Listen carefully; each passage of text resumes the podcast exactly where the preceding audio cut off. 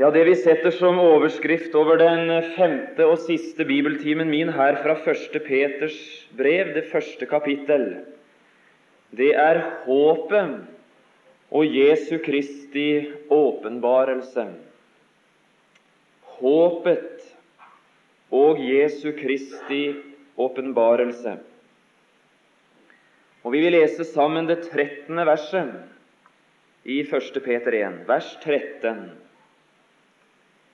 Derfor omgjord eder skinns lender, vær edrue, og sett deres håp fullt og fast til den nåde som blir dere til del i Jesu Kristi åpenbarelse. Herre Jesus, takk for en ny dag. Takk fordi din miskunnhet og din barmhjertighet er ny hver morgen. Og vi ber, Herre Jesus, som du så mange ganger velsignet ditt eget ord for oss, vil du la det underet skje også nå, at det vi hørte, Herre Jesus, kunne gi oss et glimt av din herlighet, Gi oss et glimt av den nåde som også forteller hvor rike vi er, vi så tror på deg. Vil du la oss få sitte ved dine føtter og få være under påvirkning av det ord som heter evangeliet. Amen. Det er altså det uttrykket Jesu Kristi åpenbarelse som Peter veileder oss til i denne siste bibeltimen. Han vil gjerne gjøre oss oppmerksom på en dyrebar sannhet, nemlig den sannhet som er knytta til det uttrykket Jesu Kristi åpenbarelse. For fikk vi øye, ifølge Peter, på hva det er, så ville vi få øye på en rikdom som er gjemt i det uttrykket. Han taler om en nåde som blir oss til del i Jesu Kristi åpenbarelse. Kommer vi altså på bølgelengde med hva dette dreier seg om, så ligger her en særskilt nåde beredt for oss der. Og den skriver Peter, som vi leste det om, den skal vi sette vår lit til fullt og fast. Hva dreier det seg egentlig om? Hva gjemmer det seg egentlig bak det uttrykket? Jesu Kristi åpenbarelse. Det er nok mulig at Peter her bruker det i en noe mer snever betydning enn jeg tar det fram nå. Men jeg syns for sammenhengens og fyldens del at vi skal slå opp i Hebreerbrevet 9, i slutten av det kapitlet og streke under tre forskjellige sider ved Jesu Kristi åpenbarelse, altså ved at Han kommer til syne, legges for dagen med tanke på oss og den nåde vi trenger. Det er i slutten av kapittel 9, Hebreerne 9, 24. Og Jeg tror vi leser bare enkelt i sammen, og så streker vi under tre forskjellige uttrykk der. Det er voldsomt kjekt for dere unge om dere kan få tak i de tre sidene. For Kristus gikk ikke inn i en helligdom som var gjort med hender, og bare var et bilde av den sanne, men inn i selve himmelen, står det. Og så kommer det noe. For nu å åpenbares for Guds åsyn for vår skyld. Og Så gjøres vi oppmerksom på at nå, i denne dag og i denne stund, så åpenbares den Herre Jesus for Guds åsyn, og det er for vår skyld. Videre og heller ikke for at han flere ganger skulle ofre seg selv, således som ypperstepresten hvert år går inn i helligdommen med fremmed blod. Ellers måtte han jo ha litt flere ganger fra verden ble grunnlagt. Så står det Men nå er Han åpenbaret en gang ved tidenes ende for å bortta synden ved sitt offer. Når skjedde det? Det skjedde for 2000 år siden. Ved de tiders ende som skulle føre fram til det store og det voldsomt nødvendige. Ved de tiders ende, da tidens fylde kom, utsendte Gud sin sønn. Og så skjedde i forlengelsen av det, det vi leste her. Han er åpenbaret én gang, første gang altså, ved disse tiders ende, for å bortta synden ved sitt offer. Det var Han som kom, Jesu Kristi fortidige åpenbarelse. Så leste vi altså i vers 24 om hans nåtidige åpenbarelse. Og vi leser også de to siste versene. Og like som det er menneskenes lodd en gang å dø, og deretter dom, således skal òg Kristus etter å være ofret en gang for å bortta mange synder, annen gang åpenbare seg uten synd til frelse for den som venter på ham. Han som steig inn i verden første gang, og som nå åpenbares for Guds åsyn for vår skyld. Han skal annen gang åpenbare seg nå uten synd, med tanke på noen i denne verden, til frelse for dem som venter på ham. De tre uttrykka må du merke deg. Sett et lite ett-tall ut for vers 26 et lite totall ved vers 24 og et lite tretall ved vers 28. Og så har du de tre uttrykka også i den tidsmessige rekkefølge. Den fortidige, den nåtidige og den framtidige side ved Jesu Kristi åpenbarelse.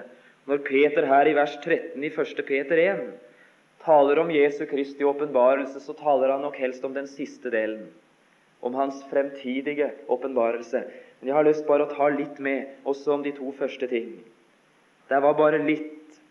Jesu Kristi fortidige åpenbarelse. En par tanker om den. Nå har vi talt mye om det i disse timene. Et levende håp, slik vi har framstilt det nå, har veldig mye vært knytta til det Jesus gjorde og tilveiebrakte i sitt liv og i sin død. Og Jeg skal ikke bruke veldig mye tid på å utdype det, bare forsøke å gjøre oppmerksom på et par sider som vi ikke har vært borti, som er berørt her i, i det første kapittelet i første Peters brev. Det som skjedde en gang, og som var for alle, det som skjedde da Jesus kom og åpenbaredes for vår skyld, det var godt forberedt. Det var ikke et øyeblikksinnfall hos Gud. Det var ikke noe han kom på i farten. Det var godt forberedt. Og Hvis du slår ut i vers 18 i her 1. Peter 1 og leser litt sammen med meg, så kommer du etter hvert til et uttrykk som så er fint. For dere vet at dere ikke med forgjengelige ting, sølv eller gull, ble løskjøpt fra eders dårlige ferd som var arvet fra fedrene, men med Kristi dyre blod, som blodet av et ulastelig og lyteløst lam. Og så står det Han som forut var kjent før verdens grunnvoll ble lagt, men ble åpenbaret ved tidenes ende for eders skyld. Og det er med tanke på denne fortidige åpenbarelse. Du, han var forutkjent, og langt forut, før verdens grunnvoll ble lagt. Det uttrykket 'før verdens grunnvoll ble lagt' det er brukt tre ganger i Skriften. Og Jeg hadde lyst til å nevne det, for det er en sånn fin, en sånn fin fylde av lys over hvordan den Herre Jesu frelsesgjerning for oss, både hans forhold til sin far, hans forhold til selve frelsen og til oss som de utvalgte, det hadde med, med, med gamle ting og gamle bestemmelser å gjøre. Det var ikke øyeblikksinnfall i sin ypperste prestlige bønn, som vi sier i Johannes 17. Der bruker han et uttrykk, den Herre Jesus, i vers 24. Johannes 17, 24. Du kan jo bare notere det helt i slutten. Du har elsket meg før verdens grunnvoll ble lagt. Du, her var et forhold mellom Faderen og Sønnen et forhold i idel kjærlighet. Det var et forhold i godhet. Det var samfunn uavbrutt og harmoni. Du har elsket meg før verdens grunnvoll ble lagt. Og om forholdet var på en sånn måte, så var de enige, de to, om det som i tidens fylde skulle skje. Det var samfunn i kjærlighet og samfunn i frelsestanker. Og Så leste altså vi her i 1. Peter 1, 20, Han som forut var kjent før verdens grunnvoll ble lagt. Det var noe som ble gjort kjent. Han var forut bestemt til dette, står i en annen oversettelse. Altså Her var noe ved, ved Sønnen og ved frelsen som før verdens grunnvalg ble gjort kjent. Noe som rant i Gud. Et råd som ble fattet om en frelse som skulle, skulle bli fullbrakt i tidens fylde. Han som forut var kjent, nemlig som den som skulle bli vår frelser. Han var forut kjent, forut bestemt til det, om du vil. Og Så brukes her et uttrykk i Efeserbrevet 1 og vers 4. Det er det tredje stedet. Det har vært berørt. Han utvalgte oss i Kristus før verdens grunnvoll ble lagt. De tenkte på deg i evigheten, Faderen og Sønnen, og de utvalgte deg for seg, endog før verdens grunnvoll ble lagt. Før skapertanken ble fullbyrda, så var frelsesplanen lagt. Før, eh, før skapelsen skjedde, så tenkte den evige Gud og Sønnen på din sjel. Og så utvalgte han oss i Kristus før verdens grunnvoll ble lagt. Dette er evangeliets morgenrøde, slik Erik Sauer kaller en av bøkene sine. Evangeliets morgenrøde. Det var godt forberedt, og det var forventet. Det var den andre tanken. Hvis du ser i vers 10 her i 1. Peters brev, så ser du en flokk i forventning. De hadde begynt å få en anelse ved åpenbaring om det som var forberedt og skulle skje. Og nå var det noen som venta. De, de, de, var forberedt på at nå, nå, skulle noe skje. Men så hadde de ikke så, så mye lys, og så begynte de å granske og ransake. Og begynte å studere dette her. Og er det som skal skje? Om denne frelse var det profetene gransket og ransaket, de som spådde om den nåde dere skulle få. De var opptatt med en nåde som var gjemt i Kristi åpenbarelse, og som skulle komme, bli, bli noen til del. Dette ransaket de, dette gransket de, de grunnet og grublet, og de studerte. I det vers 11 de ransaket hvilken eller hva slags tid Kristi ånd som var i dem, viste frem til når han forutvitnet ånd, Kristi lidelser om herligheten deretter. Jeg er altså av og til et skikkelig friluftsmenneske. Jeg er forferdelig glad i å gå både i skauen og på fjellet. Og det er av og til når du er oppe på en sånn åsrygg eller på et lite fjell, at du kan se liksom, du, har skikkelig oversyn, og så ser du ganske langt. Og det du kan legge merke til, det er en topp. Så kanskje en topp sånn ved sida. Og imellom disse toppene så ser du en topp litt bak. Og enda borte så strekker det seg en, en topp der òg. Og langt det er mellom disse toppene, det er ikke du i stand til å se der du står. Men altså, du ser at her er det en topp foran, og så er det noe bak. Og, og det ser ut altså som det er langt til den første. Og så ser det ut som det neste er like bak. Men altså, når du kommer bort på den første toppen, så var det mye lenger enn du trodde. Det er det profetiske perspektiv i Guds ord. Det er altså topper og de så to topper, disse som ransaket og gransket. La du merke til de to toppene? Toppunkt i evangeliet. Det er det vi er opptatt med nå. Det er topp. La du merke til det? Kristi lidelser. Og det er en evangeliets topp. Kristi lidelser. Og så var det en topp bak. Og herligheten deretter. Det de var opptatt med, det var å gransket hva slags tid og langt det var fra Og langt det var fram til den første toppen. Og om det var mulig å finne ut om det var om det var, om det var avstand mellom, mellom den første og den andre toppen. Det var ikke godt å se det. For slik det profetiske bildet av Herren ble framstilt i Det gamle testamentet, så var her to linjer som på en måte ikke var forenlige. Han som var Guds salvede, han ble på den ene sida altså framstilt som, som en lidende tjener. Som en som steig ned. Det var ikke herlighet.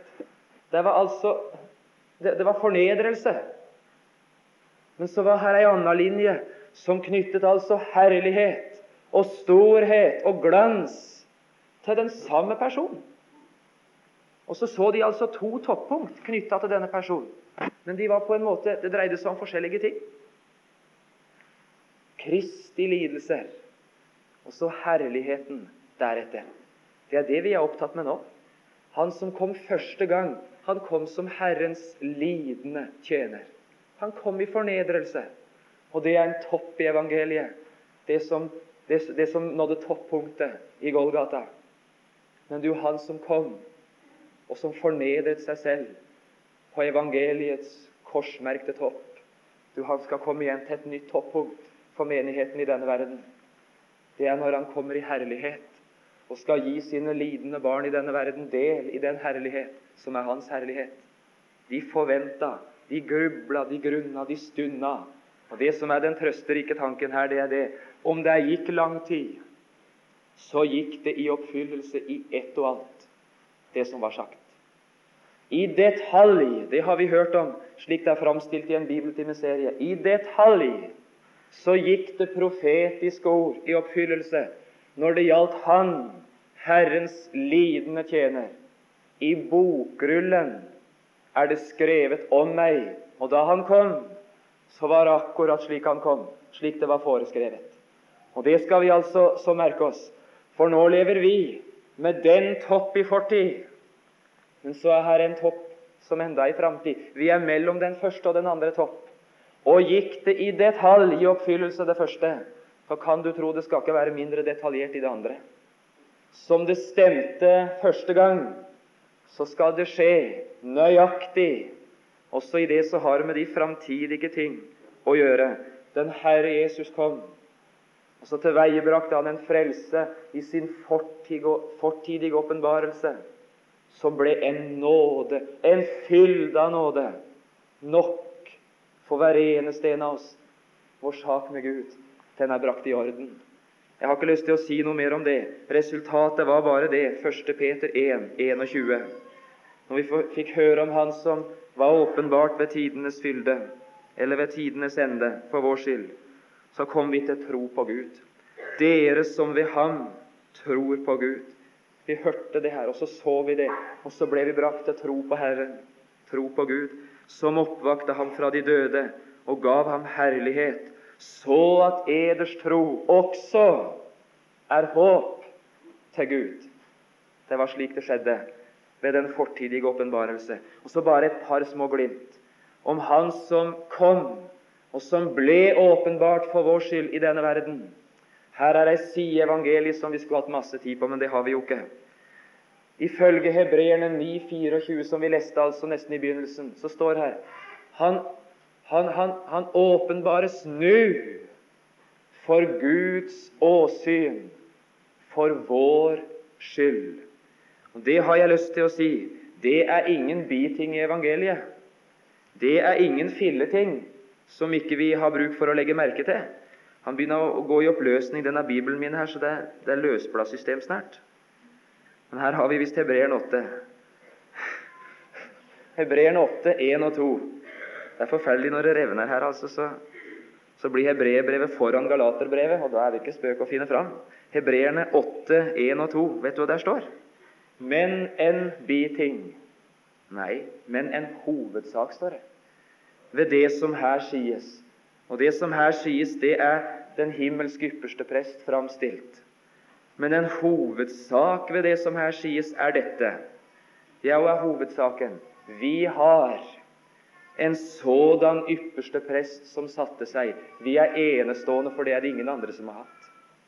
Vi har en ypperste prest som satte seg ved høyre side av majestetens trone i himlene, med prestelig tjeneste i helligdommen, det sanne tabernakel som Herren har reist, og ikke et menneske. Det er framstillingen av Han som nå åpenbares for Guds åsyn for vår skyld. Og Jeg hadde bare lyst til å peke på, en to-tre ting ved Han. Det ene det prøvde jeg å understreke. Vi har en sådan ypperste prest som satte seg. Hadde de det i Israel? Leser du noen gang om at der sto noen stol i tabernakelet? Kunne han sette seg, han som holdt på? Hebreerne 10 og vers 11. Hver prest, uten unntak, i den pakt, hver prest står daglig og gjør tjeneste, og bærer mange ganger frem de samme offer. Hvorfor måtte han bære det, det fram mange ganger? Hvorfor kunne han aldri sette seg til fullført gjerning? Fordi han stelte med aldri i slutten av verset kan bortta synder. Det var skygger han var opptatt med, og forbilder. Derfor sto han for det han holdt på med. Det ble han aldri endelig ferdig med.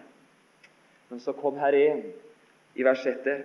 Men han, men han, han som er ypperste presten, han har frembåret ett offer for synder, og har deretter for alltid satt seg ved Guds høyre hånd. Du, det de aldri kunne gjøre på forbildelig vis fordi de aldri ble ferdig, det fullbrakte han, og så satte han seg. Jeg har lyst til å si her er en som åpenbares for Guds åsyn for din skyld. Han sitter i himmelen. Og er han ferdig og tilfreds, og kan han være i en atmosfære hos Gud som er tilfreds, da må sannelig du kunne være tilfreds med det han har gjort. Kan du ikke det? Når du føler at det går i stykker for deg, når du føler at det raser sammen, det du har som et Guds barn, og du spør hva mangler jeg nå, har, har jeg mista alt, så har jeg lyst til å si nå skal du feste blikket på Han som også nå sitter. For ditt fall og ditt nederlag og din svikt rokker ikke hans stilling evigheten. Og din stilling evighetsperspektivet er i Kristus. Han satte seg fordi han er ferdig. Og jeg har lyst til å si hvil nå i det han har gjort. Og så er han ikke passiv, slik vi leste det i Hebreerne 8 i begynnelsen. Så du det i det andre verset? Han som satte seg ved høyre side av majestetens trone i himlene. Hebreerne 8,2. Med prestelig tjeneste i helligdommen. Han, han utfører, utøver tjeneste for oss hjemme. Han er ikke passiv og uvirksom, men han står til tjeneste for oss og tjener oss uavlatelig. Nå åpenbares Han for Guds åsyn for vår skyld. Og Jeg vil bare nevne det, for vi har ikke tid å gå noe inn på det. Men her var nevnt et ord som jeg bare gjentar nå, i, i 1. Johannes 2, 1 og 2. Mine barn, dette skriver jeg til dere for at dere ikke skal synde. I et kristenliv er det innført et nytt forhold til synd. Før så var det din praksis og din lyst. Nå er her et nytt forhold. Du har erklært altså krig imot synd. Det er, det er et nytt forhold. Du kan ikke leve i forhold til synden lenger som du gjorde før. Men om, står det, noen synder, om det går galt likevel, om vi skulle komme i en slik situasjon at vi synder, er alt håp ute? Nei, da har vi, større. Vi har følelsen av at vi mister når vi synder, og vi, og vi mister mange ting, men det er noe vi ikke mister. Om noen synder, så har vi hva er det vi har? Vi har en talsmann hos Faderen. Det ordet 'parakletos' betyr sakfører eller advokat. Vi har en som nå, i denne bestemte situasjon, fører vår sak for Gud. Og det er en glimrende advokat. Da blekner altså toppen i Norge. Jeg skal ikke nevne navn, men han blekner. Nei, vi har en himmelsk advokat. For topp i Norge, han taper saker av og til, han òg. Men her er en som aldri har tapt. Vi har en talsmann, en advokat, en sakfører hos Faderen. Det er han du går til, er det ikke det? Du kan ikke leve med din synd og ditt nederlag. Du må til Jesus med det. Så taler du med han, så overlater du sånn som du gjorde, og sånn som er livet ditt. Det er overlatt han. Og så fører han din sak. Han gjør sitt offer gjeldende for Gud. Han er den rettferdige. Det er velsigna å vite for den som føler seg urettferdig. Han er den rettferdige. Og så er det Han som gjelder for Gud i mitt sted. Velsigna altså stilling. Den rettferdige. Og om jeg syndet, så er han ikke bare den rettferdige, men han er, som vi hørte det så flott i går, han er en soning for våre synder. Ikke bare for våre, men for hele verdens. Så gjør han sitt offer gjeldende for Gud, uavlatelig. Så er her en renselsesstrøm vi står i og er i uavlatelig, vi som tror. Jeg er en velsigna prest som gjør sitt offer gjeldende på den måten. Og det andre han betjener oss med, det er sin forbønn. Hebreerne 7, 25. Derfor kan han også fullkomment frelse dem som kommer til Gud ved ham, da han alltid lever, uavlatelig, uavbrutt, da han alltid lever, til å gå i forbønn for dem. Du, Det er Peter som har skrevet første Peters brev, selvfølgelig. Han hadde hatt bruk for det en gang. Han hadde hatt voldsomt bruk for en forbeder en dag. Han hørte det i Getsemane før sitt livs bitreste nederlag. Lukas 22. Du kan få det ordet. Lukas 22, 31. Skal du få det som det står. Simon, Simon. Lukas 22, 31. Se, se, Simon. Her er noe du må legge merke til. Se, Satan krevde å få dere i sin vold for å sikte dere som vet det. Men, og det er et guddommelig men Det er godt at her lyder et guddommelig men når Satan krever og setter sin makt og list inn. Men Men jeg, jeg ba for deg, Peter, at din tro ikke måtte svikte. Når du en gang omvender deg, da styrk dine brødre. Det kan se ut som Peter får en særlig oppgave av Jesus til det å styrke sine brødre. Og Her var det noe som lå han på hjertet å styrke sine brødre med, for her hadde han selv mottatt styrke. Her hadde han altså selv mottatt noe fra himmelen så han ville ha andre skulle ha del i. Og hva det er for noe han hadde opplevd? Han hadde opplevd en frelser som ba for han. Jeg tror jeg har nevnt det i en par sammenhenger i disse her sammenhengene før. Men det er kanskje noen som ikke har hørt det likevel. På gresk så står det 'Jeg ba omkring deg, Peter'. Det er et flott uttrykk. Det, det klinger ikke på norsk egentlig. 'Jeg ba omkring'. Men i lys av evangeliet så klinger det jo så flott. Jeg ba omkring deg, Peter. Jeg lukket deg inn i min bønn. Jeg bygget en mur omkring deg. Så var du trygg hos meg, endog når det så ut som om du hadde mista alt. Det er farlig å framstille Peter som en frafallen, for han var ikke det. Sviktet hans tro? Ja, tilsynelatende gjorde den. Men kunne han gå bort fra Herren? Han kunne ikke. Her var ingen atter, og han hadde mer enn å møte Jesus igjen. Jeg ba omkring deg, Peter. Jeg gjemte deg i min bønn for at din tro ikke skulle svikte. Og når du en gang omvender deg, da styrk dine brødre. Fortell dem det. De har en frelser som tjener de helligdommen med sin bønn. Hvis skulle jeg sørge Jeg har jo en venn som bærer på sitt hjerte min nød. Er det noen som trengte det nå? Din nød, det er en hjertesak for Jesus. Hans, hans hjerte er engasjert av det som er din nød. Han bærer på sitt hjerte den himmelsk ypperste prest, din nød.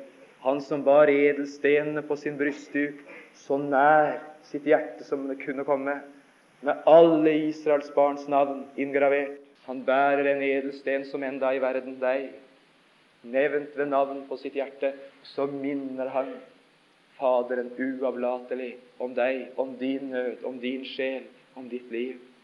En velsigna tjeneste. Og Det siste glimt i den sammenhengen, Johannes 14, de to-tre første versene. Jeg går bort. Det sa han som kom første gang. Jeg går bort for å berede dere et sted. Nå er han altså opptatt, ikke bare ved å gjøre sitt offer gjeldende for oss, tale med Gud om oss, minne Herren om oss, uavlatelig. Men han er i ferd med å gjøre i stand et sted for oss. Og når jeg har beredt eder sted, da kommer jeg igjen for å ta dere til meg, så at også dere skal være der som jeg er. Vi har ikke tid å si noe mer om det, men du kan være viss for at du har en frelser i evigheten nå som tjener deg, og som er til større tjeneste og nytte for deg enn du noen gang vil se i denne verden. Her skal komme en dag. Da ser du det. Var det slik en viktig tjeneste du hadde hele veien? Og så skal du takke ham fordi han betjente deg også nå. Og så det siste som er, hovedsaken nå i slutten av bibeltimen min. Han som ble åpenbart én gang, hebreerne 9,26. Han skal annen gang åpenbare seg, hebreerne 9,28, uten synd, til frelse for den som venter på ham. Og det er vel der Peter egentlig vil ha oss med nå til slutt.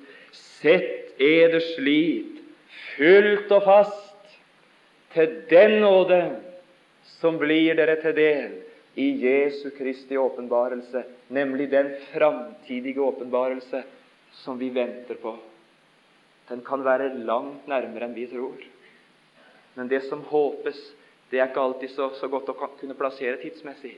Det kan være så nær at vi skulle bare ha visst det. Her er en særlig nåde som blir oss til del den dagen. Du har gjerne lagt merke til det vi har berørt akkurat den saken i noe vi har lest før. Hvis du ser altså litt av det vi leste i bibeltimen i går, da vil du se det. Ja, Først det vi leste i bibeltimen dagen før, i vers 5 her i 1. Peter 1. Da talte vi om Han som ved Guds makt holder oss oppe ved troen. Han skulle holde oss oppe inntil den frelse som er ferdig til å bli åpenbaret i den siste tid. Her er noe som skal åpenbares i den siste tid, og det er det vi venter på. Og Så talte vi i går om trengslene og vår prøvede tro. Målet var at den prøvede tro skulle finnes, slutten av vers 7, til lov, pris og ære. Når? Ved Jesu Kristi åpenbarelse, nemlig når Han kommer. Og Jeg vil bare slutte med det og peke på en tre-fire enkle ting som denne nåde inneholder, som skal bli oss til del den dagen. Og så kan du få med en tre-fire små ting. Ja, små ting, store ting, men altså i korthet store ting. Det ene, det er Titus brev i kapittel 2. Det vil vi slå på å lese. Titus 2, og vers 13. Sammenhengen er at Guds nåde den er åpenbart til frelse for alle mennesker. Og Så er det talt om at denne nåde den skal være en opptuktende makt i et kristenliv, så han fornekter både ugudelighet og verslige lyster, og gir han den kraft som loven aldri kan gi. gir han den kraft som gjør at han lever gudfryktig og rettferdig og tuktig i den nærværende verden. Og så står det mens dere venter. Hva er det vi venter på? På det salige håp og åpenbarelsen av den store Guds og vår Frelser Jesu Kristi herlighet. Du, her er en som kom i ringhet, som skal komme i herlighet. Her var en som kom som frelser, og som kom som frelser på den måten at han ordnet med synden. Han skal komme som frelser for de frelste. Han skal som brudgom hente brud. Og bruden henter han ikke inn i rettssalen, men i bryllupssalen. Jeg skal lure på altså kona mi hadde tenkt om meg hvis jeg etter at vi var vidd på rødvær tok henne med til rettssalen. Ja, da skulle hun altså lurt om jeg tok henne med og fikk prøvd henne for retten når jeg hadde fått henne. Nei, jeg tok henne selvfølgelig med til bryllupssalen. Altså, det, det er en sannhet i det. For her er noen altså blant Guds barn som venter på dommedag og på et møte i dommersalen hos Gud. Du, Jeg har lyst til å si, og det talte vi om i kveldsmøtet i går Dommens dag i denne forstand i et kristenliv, det ligger i vår fortid. Johannes 5, 24. Sannelig, sannelig, sier jeg dere, den som hører mitt ord og tror Han som har sendt meg, han har evig liv og kommer ikke til dom, men er gått over fra døden til livet. Når det gjelder den sak, så har med mitt forhold til Gud, rettferdiggjørelse og avsigelse av dom fra Herren på den måten, så ligger det i fortiden. Det er ikke det jeg venter på. Jeg venter ikke på min dommer, men på min frelser. Jeg venter ikke som den skyldige på avgjørelsen og utgangen av min frelsesak, for det er avgjort. Men jeg venter som en pilegrim i denne verden på Han som jeg har blitt glad i, og på Han som har sagt når den tid kommer, så skal du få komme igjen, og så skal jeg ha deg med inn i noe så jeg har gjort ferdig for deg. Det som du trodde her, da skal du evig få skue det som du trodde her. Jeg skal ikke si så mye om det, det er så vidt berørt. 1. Tessaloniker 4, 13 og ut kapitlet. Det er den begivenhet. De døde i Kristus skal først oppstå. Og vi som lever, vi som lever, sier Paulus Det er mulig at han hadde en, en så, så, brennende forventning at det kom til å skje altså nå. Vi som lever, og som er tilbake når Herren kommer, vi skal sammen med dem rykkes opp i skyer, og så skal vi få møte Herren og så står her noe velsigna godt. Vi skal alltid være med Herren. Det skal aldri bli atskillelse av de to parter mer. Vi skal alltid få være med Herren. Skrem da hverandre med disse ord. Nei, det er ikke til å bli skremt av. Trøst av hverandre med disse ord.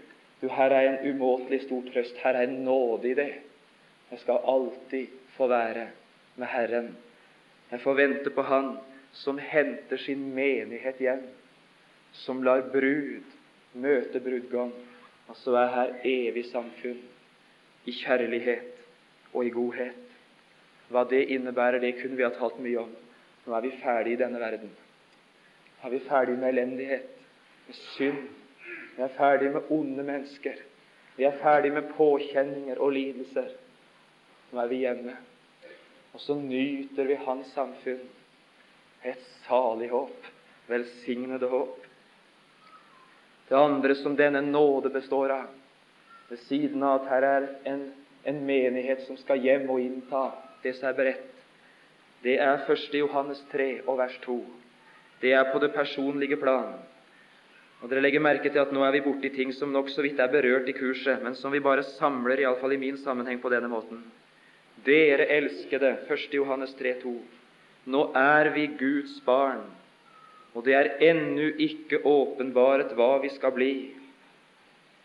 Vi vet at når Han åpenbares Dette er framtiden. Når Han åpenbares, da skal vi bli Han like, for vi skal se Han som Han er. I denne betydningen har dette med vårt legeme å gjøre. Vi skal bli ham lik. Det har iallfall også med vårt legeme å gjøre. Vi som levde med et fornedrelseslegeme, et naturlig, et dødelig legeme, og måtte slite med alle de krefter som herjer i et slikt legeme. Vi har den nåde i vente. Vi skal bli ham lik, Han som i evigheten bærer et herlighetslegeme. Filippebrevet 3 og vers 20. Det er denne saken. For vårt rike er i himlene, og derfra venter vi òg den Herre Jesus som Kristus som frelser. Han som skal forvandle vårt fornedrelseslegeme, så det blir likt med Hans herlighetslegeme etter den kraft hvormed han kan underlegge seg alle ting. Jeg lovte i går at jeg skulle si litt om det som har med sykdom å gjøre. Og Det skal jeg altså gjøre veldig kort og enkelt akkurat her. For i denne sammenhengen er det naturlig. Og Det har for meg altså et sjelesørgerisk sikte. Her er ikke ganske få i dag som forkynner den sannhet både ensidig og med en styrke som altså er kolossal. Ingen kristne trenger å være syke. Ingen. Det er ikke Guds gode vilje. Det er uforenlig, sier de, med at Gud er kjærlighet, at Han skal la sine barn i verden slite med sykdom. Det, er, det, det strider mot, mot, kjærlighetens vesen at de kristne skal trenge å være syke. Og ikke bare det, men det er altså innebygget i forsoningen, sier de, og i det Jesus gjorde, at det heller ikke av den grunn skal være nødvendig å være sjuk. Han som bar våre synder opp på treet, han bar også alle våre sykdommer, sier de. Og når han bar våre sykdommer, så gjorde han det for at en kristen ikke lenger skal trenge å bære den. Det er toner som vi hører ganske sterkt båre fram i vår tid. Både fordi det har med Guds kjærlighet å gjøre, sier de, og fordi det har med, med forsoningen, med frelsesverket å gjøre, så skal vi ikke trenge det. Og så peker de. Se bare på Jesus, sier de, når han gikk her nede. Han helbredet all sykdom og all skrøpelighet. Og jeg har lyst til å si vi skal ikke møte de som taler på denne måten, ved å si at, at liksom det gjaldt bare alle han var sammen med der, og, og det gjaldt begrensa da. Det står nå det. Han helbredet all sykdom og all skrøpelighet. Og så sier disse som ser på den måten Og Jesus Kristus er i går og i dag den samme, sier de, inntil evig tid. Og så er de ikke oppmerksom på den forskjell at om Frelseren er den samme, så er det ikke alltid han gjør det samme. Det er stor forskjell på det. Om vi er den samme, så vil vi under forskjellige forhold handle ulikt. Og Det kan kanskje være nyttig for noen å høre. Da Jesus gikk i denne verden på den måten evangeliene framstiller han, så sto han fram med all mulig tydelighet som den lovede Messias, som han som skulle innføre det herlighetsriket som først og fremst gjaldt paktsfolket Israel. Så framstiller han seg selv i ord og i gjerning, i velgjerninger og i makt, slik at nå skulle de kjenne hans sann. Altså det bildet de hadde av han fra Skriftene. Nå skulle de få se han i aktivitet slik at de ikke burde være i tvil om det var jødenes forløser som var kommet. Derfor helbredet han også all sykdom og all skrøpelighet, og han tilga all synd. For i den jødiske sammenheng så er det sammenheng mellom de to ting. Men de kjente han ikke likevel. Og så forkastet de han. Og Så er her en framtidig tilstand med tanke på jødefolket, som skal føre det med seg som han kom med, men som de ikke tok imot. Vår tid, det er en annen tid. Nå er han ikke opptatt med de timelige velsignelser først og fremst, men med de åndelige. Det folk han tar seg ut i verden i nådens tid, det er altså et folk bestående av alle dem som ifra ethvert folkeslag ved troen på Jesus blir innlemma i menigheten. Deres velsignelser og deres rikdom, de er åndelige. Og deres kår i verden, de er ofte vanskelige. Og La meg nå si, når jeg nevnte det Jesus bar Ja, det var bare altså sammenhengen når det gjaldt tida. Og hør Jesus bar dine synder, alle sammen. Men du er ikke syndfri, for det er du. Om han bar alle dine synder på sitt legeme og på treet, så er du i din tilstand ikke syndfri. Og er du det, så er det livsfarlig med deg, for da lever du på et bedrag. Og hør om han bar alle våre sykdommer, om han også gjorde helt opp for den syndens konsekvens som sykdommen er, for her var ikke sykdom i verden uten synd, så er vi ikke garantert sykdomsfrihet for det. Og Så sies det, og det er det som egentlig er det sjelesørgeriske siktet Nå er det jo mange troende som sliter med sykdom. Og hva svarer disse sterke, harde profeter til det? Hvorfor er det så mange kristne som da er syke? Hvis Jesus ikke ville at noen skulle være det? Så klinger svara i ulik fasong i to retninger. Ja, da kan det være to muligheter. Enten så er det det at de lever i skjult synd, Altså, de vandrer ikke 100% i lyset. Det er visse synder som gjør at Gud ikke kan få helbrede de, sier de. Og det som er galt, det er altså de skjulte synder som en ikke vil gi opp. Og er det ikke det, så er det dette Ja, de kunne ha blitt friske om de hadde trodd nok. Altså hvis de hadde hatt litt sterkere tro, så hadde det skjedd. Men de tror for svakt. De ber til og med hver dag 'Skje din vilje'. Og det er vantro, sier disse. For Guds vilje er klar. Og når disse ber 'skje din vilje', så betyr det bare at de tror ikke at dette er Guds vilje. Så er det et uttrykk for vantro, sier de. Jeg har ikke hørt maken. altså, at, at det skal være uttrykk for vantro og galt å be 'din vilje skje i verden'. Men det hører vi. Du, Her er noen iblant oss som sliter med sykdom, med kronisk sykdom. Her er noen imellom oss som har barn som ikke er friske. Og her er noen kanskje som vi kjenner. De skulle ønske de kunne ha vært på et bibelkurs som det her, men de kan ikke. Fordi de er lenka til ei sjukeseng. Det er ingen i denne verden jeg syns så synd på, som slike som får besøk av sånn hjerteløshet. Du kunne ha vært frisk hvis du hadde trodd mer. Du kunne ha vært frisk om du hadde vært mer i lyset. Hadde du vært en bedre kristen, så hadde du vært like frisk som den friskeste. Jeg har lyst til å si vi skulle altså vi skulle tale så, så mye vi kan, og så klart vi kan, om hva det er å være et Guds barn i verden. Det er ikke å oppleve det lette liv, men det er i et liv, kanskje ofte et vanskelig liv, å erfare at Han elsker meg slik som Han er. Løftene holder også nå, og her skal komme en dag da også sykdommen skal vike ifra meg den dagen da mitt fornedrelseslegeme skal forvandles og bli likt med Hans herlighetslegeme. Jeg, jeg kan ikke si noe mer om det. Vi må være snille med våre syke venner. Vi må være snille med dem. Ikke de billige løsninger. Det beste er av og til å sitte stille ved en som lir, og bare være der. Kanskje gråte med den gråtende. Han trenger ikke alltid de billige oppskrifter og løsninger, men han trenger en som kan være hos ham når det gjør vondt. For det er noe forunderlig med det samfunn som heter lidelsens samfunn. Kjære sjuke venn, det er ikke fordi du er verre enn andre, eller fordi det er synd eller mangel på tro, eller hva det nå er. Hvorfor jeg skulle få være frisk og du sjuk, det vet jeg ikke. Det prøver jeg ikke å tenke på hvorfor engang. Men vi har med Gud å gjøre, og du har gjerne mye mer med Hans kjærlighet å gjøre enn jeg har. Jeg har så lyst til å si det, altså. Her er en som elsker deg slik som du er.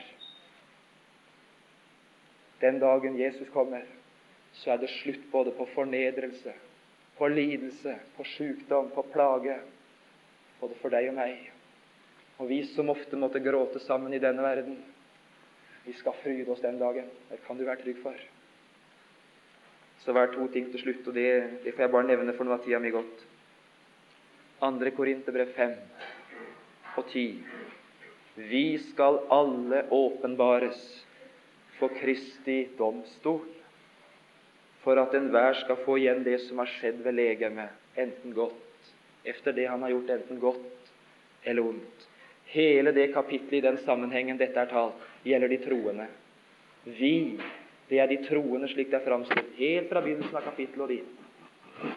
Og her er det noe som gjelder alle troende. Vi skal alle. Og Dette var talt om i en time i går, så dette vet vi noe om. Det er forskjell på dom og bedømmelse. Jeg får bare si det på min måte, så kanskje det var en eller annen av dere ungdommer som, som fikk se den forskjellen. Det er forskjell på en dommer i rettssalen og en dommer i hoppbakken. Har du tenkt på det? Dommeren i rettssalen han er satt til å rope enten 'skyldig' eller 'frikjent'. Men kan du tenke deg om hoppdommeren i Holmenkollen ropte 'skyldig'? Det er ikke det han er satt til. Han er sagt til å betrakte det han ser utført i den tid som han er i svever, skihopperen. Og så skal han belønne det han ser. Han skal bedømme det. Og så sier Arne Skeie av og til, eller hvem det nå er som er, er hoppdommer Nå skal vi se hva for en belønning dommerne gir han, ser i. Det er ikke altså skyldig eller frikjent, men det er en, en, en vurdering, en, en, bedømmelse, en verdisetting av det han ser. Det er Kristi domstol. Det liv vi lever i denne verden, og dette er jo kjente ting for oss som har fulgt med i timene, det får evighetskonsekvenser for oss. ved Kristi domstol, så møter vi Han som ikke skal dømme og frikjenne, men Han som skal bedømme og belønne. Det er med dere som det er med meg, at slike tanker kan gjøre en urolig. Slike tanker kan pålegge en et ansvar som Guds barn, som gjør at en, en ser hvor alvorlig det er å være menneske. Jeg vil bare i denne sammen lese et trøstens ord i den forbindelsen. For den trøstetonen skal også klinge ved Kristi domstol, og med tanke på det møtet. Det var nevnt og lest fra 2. Timotius 4 i går, kveld, eller går ettermiddag. Og jeg vil streke bare under ett uttrykk som står der. 2. Timotius 4,8. Vi hørte om å stride den gode strid og fullende løp og bevare troen. Det hørte vi om i går. Så ligger da rettferdighetens krans rede for meg, den som Herren, den rettferdige dommer og Her gjelder det altså belønning, sånn som vi taler om nå. Skal gi meg på hin dag. Dog ikke meg alene, står det, men alle som har elsket Hans åpenbarelse. For meg så kan det se ut som Herren han skal finne noe hos alle. Det kan se ut som om han skal finne noe også hos deg som ikke syns du ser noen ting. Det er en trøstens tanke som skal klinge. Ikke meg alene, sier han som, som helt åpenbart kunne vente det store. Men alle dem som har elsket Hans åpenbarelse. Du, her skal bli noe hos alle. Han skal finne noe hos hver. Og Når vi tenker på misunnelse å se opp til og se ned på i det perspektiv, så bruker vi menneskelige mål og er prega av en syndens jord. Du, det skal bli ganske andre forhold den dagen. Vi skal åpenbares, og der skal være en nåde, en særlig nåde, også på det sted. Og så vil jeg slutte sånn. Og det vil jeg gjøre ved å lese om igjen et vers som jeg berørte i stad. Og her er det én tanke som vi skal slutte med nå. Det er tilbake til 1. Johans 3,2. Dere elskede, nå er vi Guds barn, og det er enda ikke åpenbaret hva vi skal bli. Og så står det Men vi vet at når Han åpenbares, da skal vi bli Ham lik, for vi skal se Han som Han er. Det betyr mer enn at vi får se hans skikkelse blått og bart. Her ligger den største nåde og rikdom og venter i evigheten. Vi skal se Han som Han er. Vi skal gjennomskue den Herre Jesus. Her i livet så måtte vi nøye oss med glimt av Han. Vi fikk små glimt av Hans kjærlighet, av Hans offer, av Hans godhet, av Hans tålmodighet og bare de små glimt vi fikk, de gjorde oss så usigelig godt. Du, her er en nåde som venter oss i Jesu Kristi åpenbarelse. Vi skal ikke bare få glimt mer, men vi skal få se Han som Han er.